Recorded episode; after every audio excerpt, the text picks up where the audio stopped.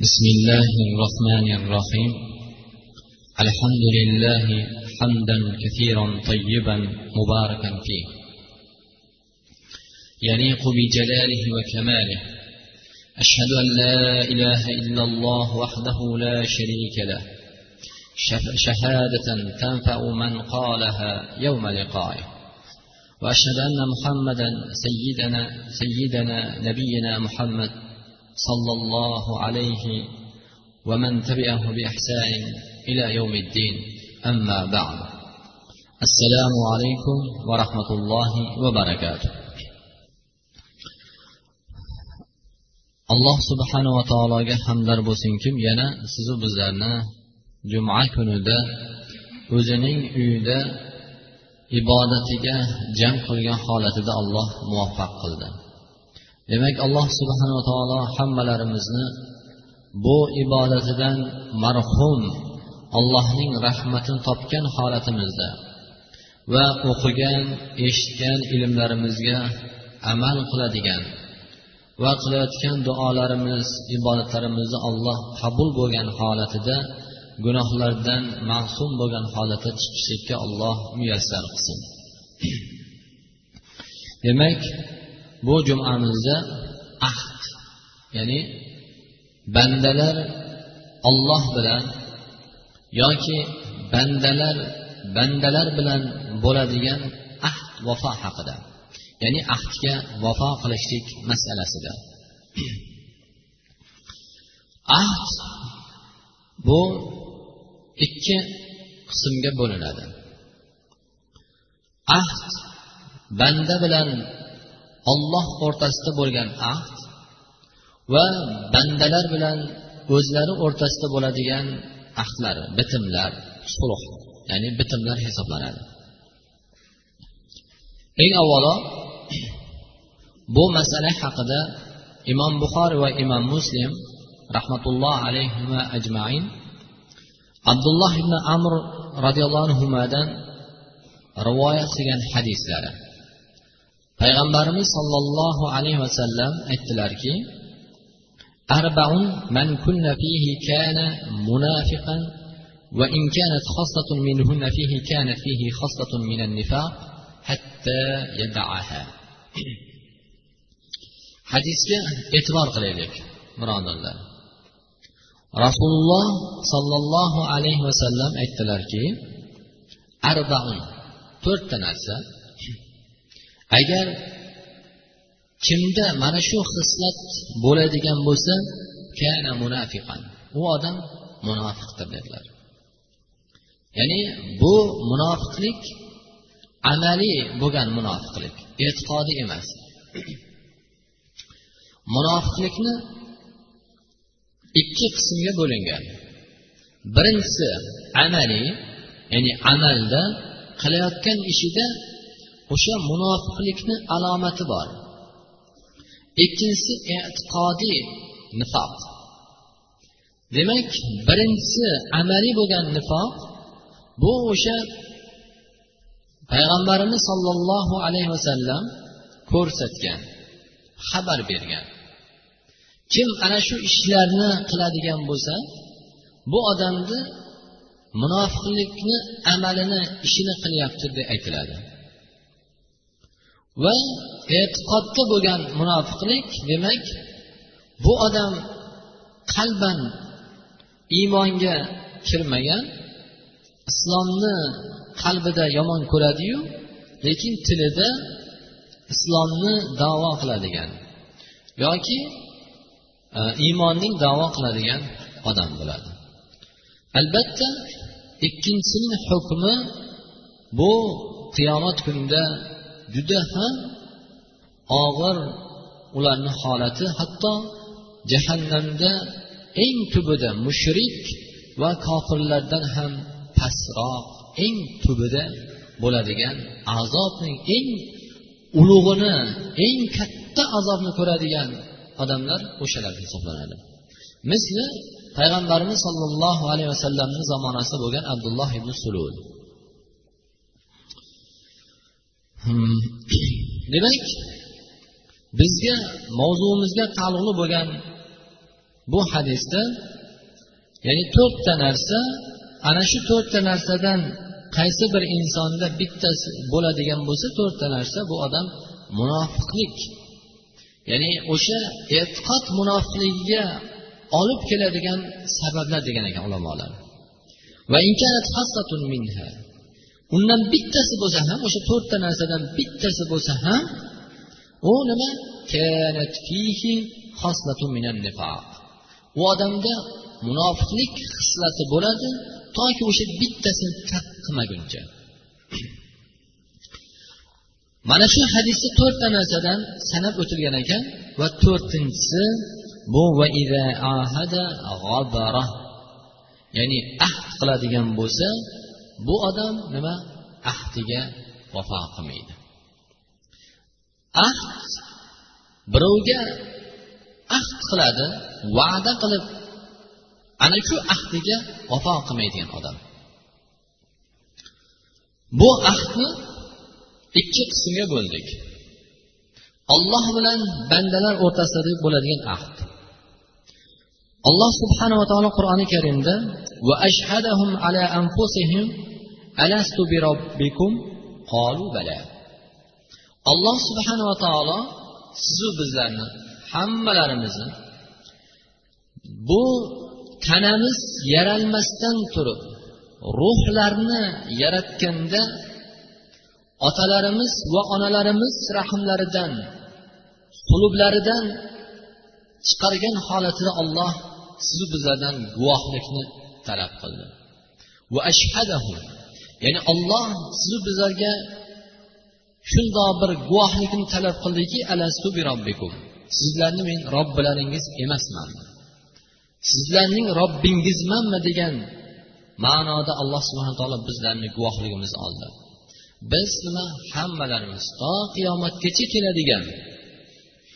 Bironta bir inson bo'lmadiki ular albatta qolu bala. Ular hammalarimiz bala albatta yo rob sen bizlarni robbimizsan. Ya'ni bizlarni tarbiyat kunanda qiladigan parvardigorimizsan degan guvohlikni berganmiz birodarlar. Va shuning uchun ham alloh subhanava taolo yasin surasini oltmishinchi oltmish birinchi oyatida alam ahad ilaykum ya bani adam alla ta'budu shayton innahu lakum aduwwun mubin va an i'buduni hada siratun mustaqim alam ahad ilaykum ya bani adam demak sizu bizlarga alloh subhanava taolo xitob qilib va xususan qiyomat kunida ahli kafaralarga alloh subhanava taolo xitob qilib aytar ekanki sizlarga men ahd qilmaganman. Ya'ni sizlar bilan biz ahdlashgan edik. Sizlar ey robbim bizlarni yaratguvchi yo'qdan bor qilguvchi zot o'zingsan. Bizlarni tarbiya qiladigan bizlarni mehribonimiz rahmdil bo'lgan zot o'zingsan. Bizlarni rizqimizni berguvchi va bizlarni har bir narsaga qudratimiz yetadigan qilib yaratguvchi zot o'zing bo'lgansan degan ahdlarni berganmiz. Va parvardigoro seni bu ne'matlaring evaziga seni aytganingdan chiqmaymiz. Senga ibodat qilamiz. Seni rozi qiladigan yo'llardan yuramiz. Sen qaytargan gunoh va ma'siyat ishlardan qaytamiz deb va'da qilmaganmisizlar ya bani adam alla tabudu shayton sizlar shaytonga ergashmanglar. Albatta sizlar shaytonga ergashadigan bo'lsalaring dunyo va oxiratlaringni o'zlaringni o'zlaring halok qilasizlar deb ya'ni alloh subhanava taolo bizlarga va xususan qiyomat kunida ahli kafaralarga alloh mana shundoq xitob qilar ekan. Innahu lakum mubin. Albatta u shayton sizlarga ochiqdan ochiq dushmandir. Bu shaytonning dushmanchiligi er xotinni o'rtasida ham ota bolani o'rtasida ham bola otani aka ukani o'rtasida ham va ammatan insonlar o'rtasida ham adovatni olib keladigan shayton. Uning ochiq bizlar uchun dushmanligi mana shundadir. Hech qachon shayton bironta bir bandasiga do'st bo'lmagan. Do'st bo'lmaydi ham. Shayton faqat sizu bizlarni dunyoda halokatga olib keladigan dunyo saodatidan ayiradigan va abadiy hayot jannatdan ayiradigan faqat bizlarga mana shundoq dushmandir. Va alloh subhanava taolo va mustaqim. Va menga ibodat qilinglar. Hada bu siroti mustaqim. Nima bu siroti mustaqim? Bu allohni kalomidir. Ya'ni allohning kalomi qur'oni karim o'qishligimiz bilan zikr etishligimiz bilan olloh buyurgan payg'ambari yuborgan payg'ambarini harom qilgan narsasini harom deb bilishlik halol qilgan narsalarni halol deb bilishlik alloh subhana taologa ibodat qilishlik ekan. Va alloh subhanava taolo muhammad sollallohu alayhi vasallamni payg'ambar qilib yuborgan vaqtida azizlar yer yuzida bironta bir ollohga to'g'ri yo'lda ibodat qiladigan bandalari qolmagan edi.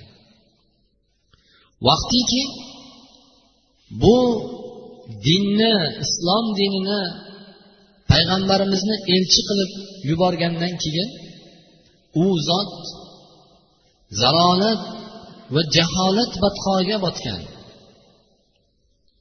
Va shirk amallarga botib ketgan arablarni u zot halokatdan zalolatdan hidoyat yo'liga olib chiqdi.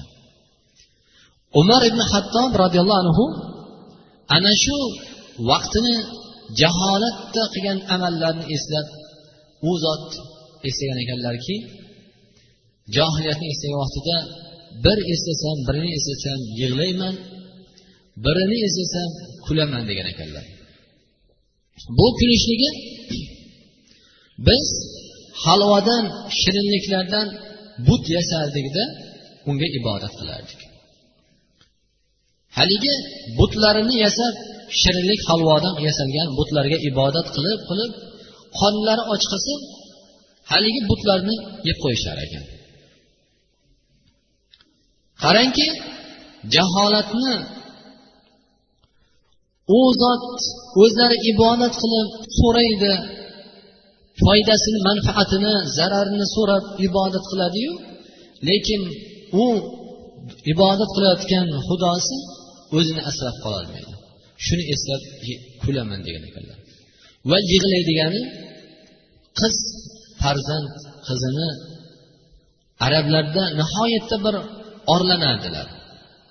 Ular qiz farzand ko'rsa tiriklayin va idal ya'ni tiriklayin ko'milgan qizlar haqida so'raladilar shunda ko'mishardilar. Shunda qizlari tug'ilib umar ibn hattob roziyallohu anhu atrofida o'ynab otajon deb shirin tillari bilan turgan farzandini olib borib tiriklayin ko'mgan ekanlar. Shunda farzandlari yig'lab umar ibn hattob roziyallohu anhuga ko'mmasliklarini yalinib yolvorganda ham tiriklayin farzandlarini ko'mib yuborgan ekanlar birodarlar. O'shani esa yig'layman degan ekanlar. Shuning uchun jaholat zalolatdan bu zot payg'ambarimiz sollallohu alayhi vasallam olib chiqdilar. Ularni nafslarini qalblarini iymon nurlari bilan to'ldirdi to'ldirdilar. Munavvar qildi. Alloh subhanava taolo hammalarimizni demak birinchi o'rinda har bir inson o'zining nafsini poklashlikka buyurdi. Ya'ni najot topdilar. Ular haq shaksiz va shubhasiz ular najot topadilar. Dunyoda ham oxiratda ham kim? Man zakkaha nafsini ammaratun bisu yomon gunohlarga boshlaydigan nafsidan qutulgan va o'zini jonini jasadini malomat qiladigan nafsdan qutulib nafsul mutmainna egasini xotirjam qiladigan qalbiga tanasiga rohat beradigan nafs egasi bo'lgan odamlargina najot topdi deb olloh bayon qildi. Va albatta alloh subhanava taolo hammalarimizni nafslarimizni poklashlikka razolat gunohlardan shaytonni vasvasidan va ma'siyat ishlardan harom ishlardan nafslarni poklashlikka buyurdi. Va mana shu poklashlik bilan birodarlar alloh subhanava taolo butun tarixni o'zgartirishni bizga berdi. Chunki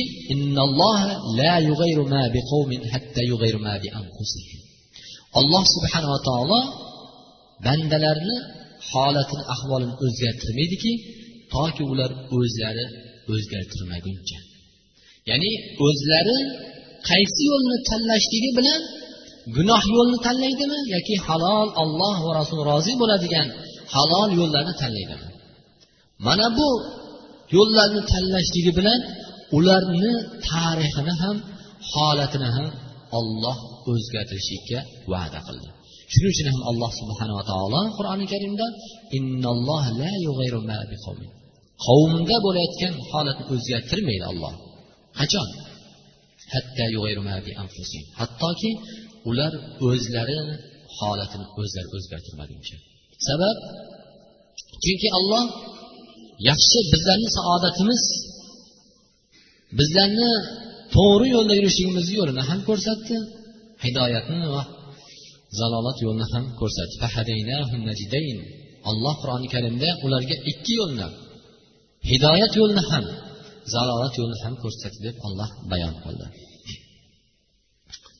Va albatta rasululloh sollallohu alayhi vasallam ana shu sahobalarni zalolatdan qarangki tiriklayin o'zlaridan dunyo kelgan ya'ni tillari bilan shirin tillari bilan otajon deb iltijo qilib ularni erkalaydigan ularni bag'rida o'tirib erkalanadigan yoshida farzandlarini olib borib ko'mib va zino fohish ishlar aroqxo'rlik qimor boshqa gunoh ishlar tarqagan bir muhitdan zalo halokatdan u zot qalblarni iymon suvlari bilan iymon nurlari bilan to'ldirdi.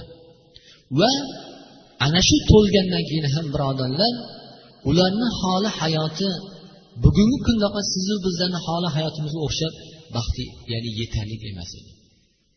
Bizni kiyayotgan liboslarimiz yo'q edi ularda. Bizlarni yeyayotgan taomlarimiz bizlarni minayotgan mashinalarimiz yashayotgan imoratlarimiz ularda yo'q edi birodarlar. Ularda hatto sahobalarni ba'zi millarida o'zi jamoatga namozda kiyim bilan chiqadigan bo'lsa ba'zi bir sahobalar so'radilar u kishidan ya'ni ah, haqida namozdan tez chiqib ketishlik masalasida shunda ba'zi yomon gumonga borgan vaqtlarida u zot aytdilarki men jamoatga chiqib namoz o'qib qaytib borganimdan keyin libosimni ayolimga yechib beraman u namoz o'qib oladi degan ekanlar. Ya'ni er xotin bitta libosda navbatma navbat birodarlar mana shundoq bo'lgan. Vaholanki bugungi kundagi bizni holatimiz ularnikiga qaraganda hatto payg'ambarimiz allohning payg'ambari bo'lgan muhammad sollallohu alayhi vasallamni xonadonida ham ko'rilmagan yeyilmagan taomlarni alhamdulillah biz yeyapmiz birodarlar. Lekin o'sha davrni qarangki mana shundoq bo'lsa ham to qiyomatgacha nima bo'ldi? Saodat asri bo'lib qoldi. Saodat asri deb qiyomatgacha qoldi. Butun tarixda saodat asri bo'lib qoldi. Demak sizu bizlar ham ana shundoq allohning ahdiga vafo qiladigan bo'lsak bu davrimiz ham inshaalloh bizlarning kelajak avlodlarimizga saodat asridek ana shundoq bir namuna bo'ladigan go'zal bir tarix bo'lib qoladi. Bu demak allohga ahd qilishlik. Bandalarga ahd qilishlik masalasi qandoq? Alloh subhanava taolo qur'oni karimda ya'ni ahdlaringga vafo qilinglar. Albatta ahd so'ralguvchi narsa. Berilayotgan ahd vafo birodarlar so'ralar ekan. Bu so'ralishlik birodarlar birovga va'da qilib demak yuqoridagi birinchi ahd olloh bilan banda o'rtasidagi ollohning ahdiga vafo qilishligimiz alastu robbikum men sizlarni robbilaringiz emasmanmi? degan ollohning bu savoliga biz bala albatta yo rob bizlarni robbimizsan parvardigorimizsan. Seni aytganingni qilamiz senga ibodat qilamiz degan ahdimiz edi. Unga ahd qilishligimiz. Va endi bandalar bilan bandalar o'rtasidagi ahd bil ahd. Hammasini o'z ichiga olib oladi. Albatta sizlar bergan ollohga bergan robbilaringizga bergan ahd haqida ham va o'rtalaringda bir birlaringga bergan ahdlaring haqida ham so'ralasizlar. Bu bir birlarimiz o'rtamizdagi ahd nima? وأوفوا بعهد الله إذا أعهدتم ولا تنقضوا الأيمان بعد توكيدها وقد جعلتم الله عليكم كفيلا ya'ni ahdlaringga vafo qilishlik agar sizlar bir birlaringga ahdlashadigan bo'lsalaring ahdlaringga va'da vafo qilinglar sizlar ichgan qasamlaringga olloh xudo haqqi deymiz olloh nomi bilan qasam ichib aytamizki deb qasam ichib ahd qilamizu lekin ollohni sizlar kafir qilib turib nima uchun o'zlaring bo'lgan bergan bu ahdlaringni buzasizlar إن الذين يشترون بعهد الله وأيمانهم ثمنا قليلا أولئك لا خلق لهم في الآخرة ولا يكلمهم الله ولا ينظر إليهم يوم القيامة ولا يزكيهم ولهم عذاب أليم ya'ni alloh subhanava taolo ushbu oli imron surasida oyatida ular dunyolarini din bilan sotib olayotgan Ya'ni din bilan dunyoviy g'arazlariga maqsadlariga yetayotgan odamlar naqadar bir arzon narsaga sotib yuboryapti bu ahdlarni tarozingiz so'ri nima desa nima deyapsiz? E biz ham xudodan qo'rqamiz deydi. Lekin tortib ko'radigan bo'lsangiz xudodan qo'rqamiz degandan asar ham bo'lmaydi. O'lchayotgan metrida sotayotgan litrida so'rasangiz xudoni qo'ya o'rtaga qo'yadi. Biz ham bola chaqamizni boqamiz deydi. Lekin nima? Buni ko'radigan bo'lsangiz buni aksi bo'lib chiqadi. Shuning uchun alloh subhanava taolo ana bu din bilan o'zlarini dunyoviy g'arazlariga maqsadlariga maqsadlarini sotib olayotgan bandalarini ular naqadar bir arzon narsaga sotib olyapti qisqa umrlarini abadiy qoladigan hayotlariga almashib yuboryaptilar. Alloh subhanava taolo nima? Ular bilan gaplashmaydi. Ollohning eng ulug' ne'mati bo'lgan jannat ahllarini eng ulug' ne'mati bo'lgan robbisi bilan va bo'ladigan suhbat. Va alloh subhanava taolo bu bandasiga rahmat nazari bilan ham boqmasligini. Poklamaslikni ham olloh ularni bayon qildi. Ya'ni ahdiga vafo qilmaydigan odamlarni olloh gunohlaridan ham poklamas ekan chunki banda dunyoda gunohni qilib har qancha nafsi shahvatini orqasiga ergashgandan keyin qiyomat kunida alloh subhanava taoloni qarang rahmatini huzuriga borganda qiyomat kunida endi qur'onda berilgan. Hadisda kelgan xabarlar aniq ko'zi bilan ko'rdi. Ko'z bilan ko'rdi bu narsa. U dunyoda eshitganda u xabar edi o'qigan edi. Lekin bugungi qiyomat kunida ko'zlari bilan ko'rib endi o'zini holatini faqat halokatga ketishligini o'ylar ekan. Endi bu ollohning rahmatini mag'firatini topmayman. Bo'ldi endi men boradigan joyim jahannam deb banda hech narsa faqat bu qilayotgan gunohlarini qilgan gunohlarini qilgan yomon amallarni eslab endi halokatni ko'rar ekan o'zini lekin alloh subhanava taolo nima? Bandasini poklashligini qarangki olloh bir mezonning ikki bir tomoniga amalini gunoh amallarni qo'yib ikkinchi bir tomoniga bir kichkina bir sahifani qo'yar ekan. Bu sahifa butun qilgan gunohlardan ko'ra ham og'ir kelar ekan. Bu nima? Bandani la ilaha illalloh degan kalimasi ya'ni barcha gunohlarini mana shu la ilaha illalloh kalimasigina hammasini mag'firat qilishiga sabab bo'lar ekan. Olloh bandasini mana shundoq poklar ekan. albatta ularga alamlik azob bordir degan ekanlar وفي صحيحين عن ابن عمر عن النبي صلى الله عليه وسلم قال لكل غادر لواء يوم القيامة يعرف به يعني har bir ahdiga vafo qilmagan ahdini buzgan odamlarga shundoq bir livo alloh subhana taolo bayroq qiyomat kunida bir alomat qo'yar ekan o'sha odamga Ahdini bergan ahdiga vafo qilmagan odamlarni. Bu nima? Qiyomat kunida o'sha odam bilinar ekan. Ha mana shu odam faloncha ahdiga vafo qilmagan odam. Sharmanda qilganligini sharmanda bo'lganligi bilinib turadigan holatda bir alomat berilar ekan. Bugungi kunda agar sizu bizni eshigimizga bitta odam qora chiziq chizib ketadigan bo'lsa darhol chiqarib o'chirib tashlaymiz. Nima uchun? Ko'rgan odam odamga xunuk ko'rinmasligi uchun yoki eshigimizni tepasiga bu palonchi bir solih odam yaxshi odam deb yozib qo'yishlikni hamma xohlaydi lekin ana shundoq bir sharmandalik bir holatni yozib qo'yishlik ishimizni hech kim istamaydi u sharmanda bo'lgan gunohda yurgan odam ham xohlamaydi birodarlar aroqxo'r odamga siz aroqxo'rsiz desangiz o'sha odam o'zi ham xohlamaydi tarozidan urayotgan odamga siz muttahamlik qilyapsiz tarozidan uryapsiz degan bo'lsa o'sha odam ham eshitsa olmaydi shu gapni.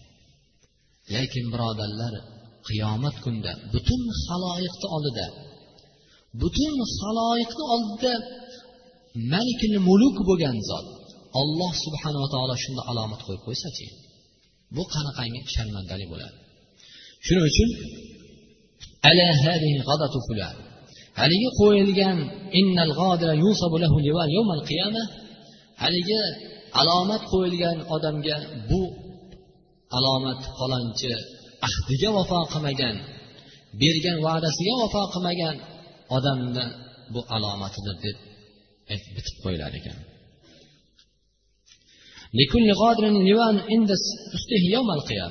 Demak har bir qodir o'sha ahdiga vafo qilmagan odamlarni demak ularga bir alomat qo'yishligini qiyomat kunida demak bu azizlar ahd nima bu?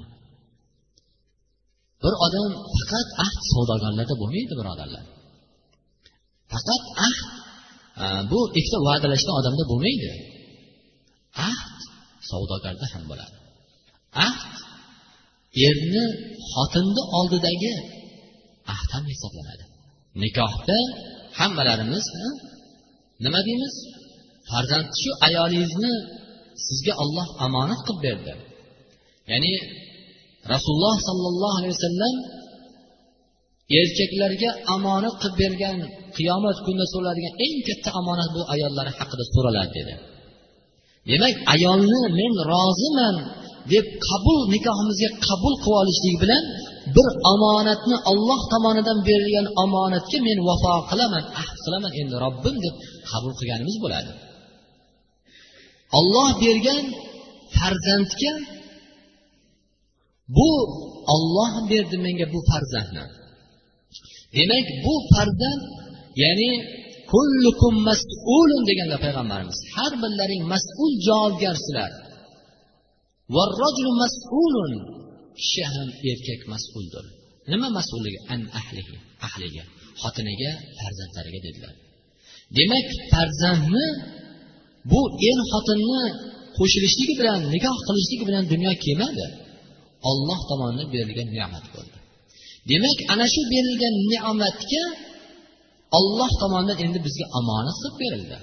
Uni olloh aytganidek rozi bo'lgan holatida uni ta'lim tarbiyasiga axloqiga xush muomala bo'lishligiga chiroyli ollohga ham boshqa odamlarga ham aziyat yetkazmaydigan ularni ham xursand qiladigan holatda ta'lim tarbiya berishiga birodarlar biz ahd qilganmiz. Va xuddi shuningdek savdogarlar ham.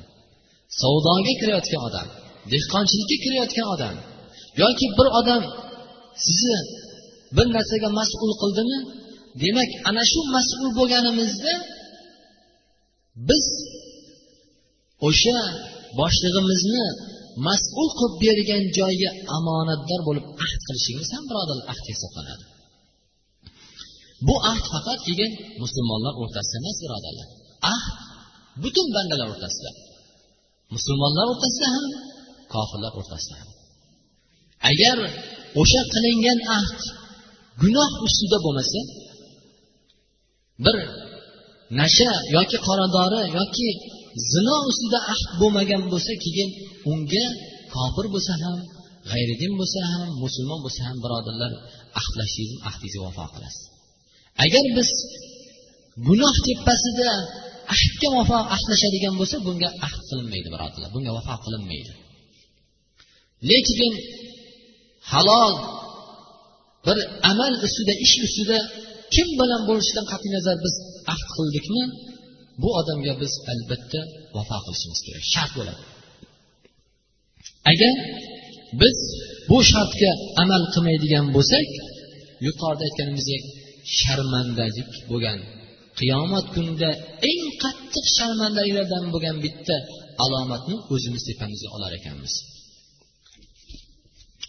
Demak rasululloh sollallohu alayhi vasallam man qatala nafsan muahadan big'ayri haqqiha lam yarah raihatal janna va inna rihaha la yujad min masirat arba'in ama. Harrajahul buxoriy ya'ni bir odam muahadni ahdlashgan odam bo'lsa masalan o'sha kim bilan bo'lishi qat'iy nazar ahd qilingan odamni o'ldirsa dedilar. Beg'ayri haqqiga nohaq. Siz bilan bir odam omonlik so'rab ahdlashdimi agar siz o'sha ahdga vafo qilmaydigan bo'lsangiz yoki o'sha ahd qilgan odamni siz o'ldiradigan bo'lsangiz nohaq u aytdiki bu odam jannat hidini hidlamaydi dedilar. Agar kofir bo'lsa ham g'ayridin bo'lsa ham bu vaholanki jannatning hidi masirati ya'ni qirq yillik masofadan kelib turadigan jannatni o'zi emas hidini ham hidlamaydi dedilar. Va sahihayn imom buxoriy va imom muslim hadislarda abu hurayra roziyallohu anhudan rivoyat qilgan ekanlarki ثلاثة لا يكلمهم الله يوم القيامة ولا يزكيهم ولهم عذاب أليم فذكر منهم ورجل بايع إماما لا يبايعه إلا لدنيا فإن أعطاه ما يريد وفى له وإلا لم يفي له alloh subhanaa taolo qiyomat kunida bu bandasini suhbatlashmaydi gaplashmaydi va uni gunohlardan poklamaydi unga alamlik azob bor bo'ladi. Ulardan bittasini zikr qildiki bir kishi bir boshlig'iga bayat qiladi. Siz bizni boshlig'imiz deydi. Illa li dunyo la illa li dunyo faqat haligi odamga bayat qilishdan ahd qilishlikdan murod faqat undan manfaat ko'rishni xohlaydi. Agar haligi boshliq bu odamga xohlagan dunyosini bersa bu odam vafo qiladi. Agar xohlagan dunyosini bermaydigan bo'lsa istagan dunyosini bermasa bu odam vafo qilmaydi dedilar. Demak alloh subhanaa taolo hammalarimizni iymonda ibodatda sobit qadam qilsin. Va abu hazim rahmatulloh alayhi aytgan ekanlarki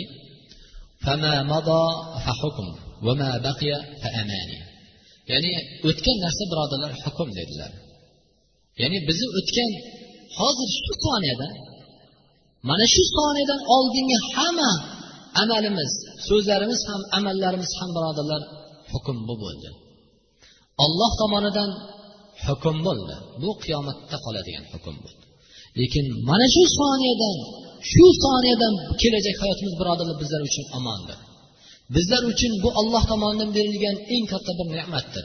Chunki o'tgangi qilgan gunohlarimizga qililgan ahdlarimizga qilolmagan ahdlarimizga vafo qilishlik istig'for aytishlik tavba qilishlikka birodarlar bizlar uchun alloh tomonidan berilgan omondir bu. Omonlikdir bizlar uchun. Ahli ayollarimizga nikohlarimizga halollab olgan ayollarimizga vafo qilishlik uchun omonlikdir. Olloh bizlarga bergan farzandlarimizni ta'lim tarbiyasiga ularni axloqlariga vafo qilolmagan bo'lsak bundan keyingi hayotimiz ularga vafo qilishlik uchun omonlikdir qilayotgan savdoyimizda ziroatimizda yoki dehqonchiligimizda chorvamizda vafo qilolmagan yoki boshqa bir bandalar bilan axlashib va'dalarimizni vafo qilolmagan bo'lsak birodarlar ularni ado qilishlik uchun bizlarga omonlikdir shu soniyadan boshlab. Demak bu narsani e'tibor olib qo'yishimiz kerak ekan. Alloh subhanava taolo hammalarimizni iymonda ibodatda sobitlardan qilsin. Demak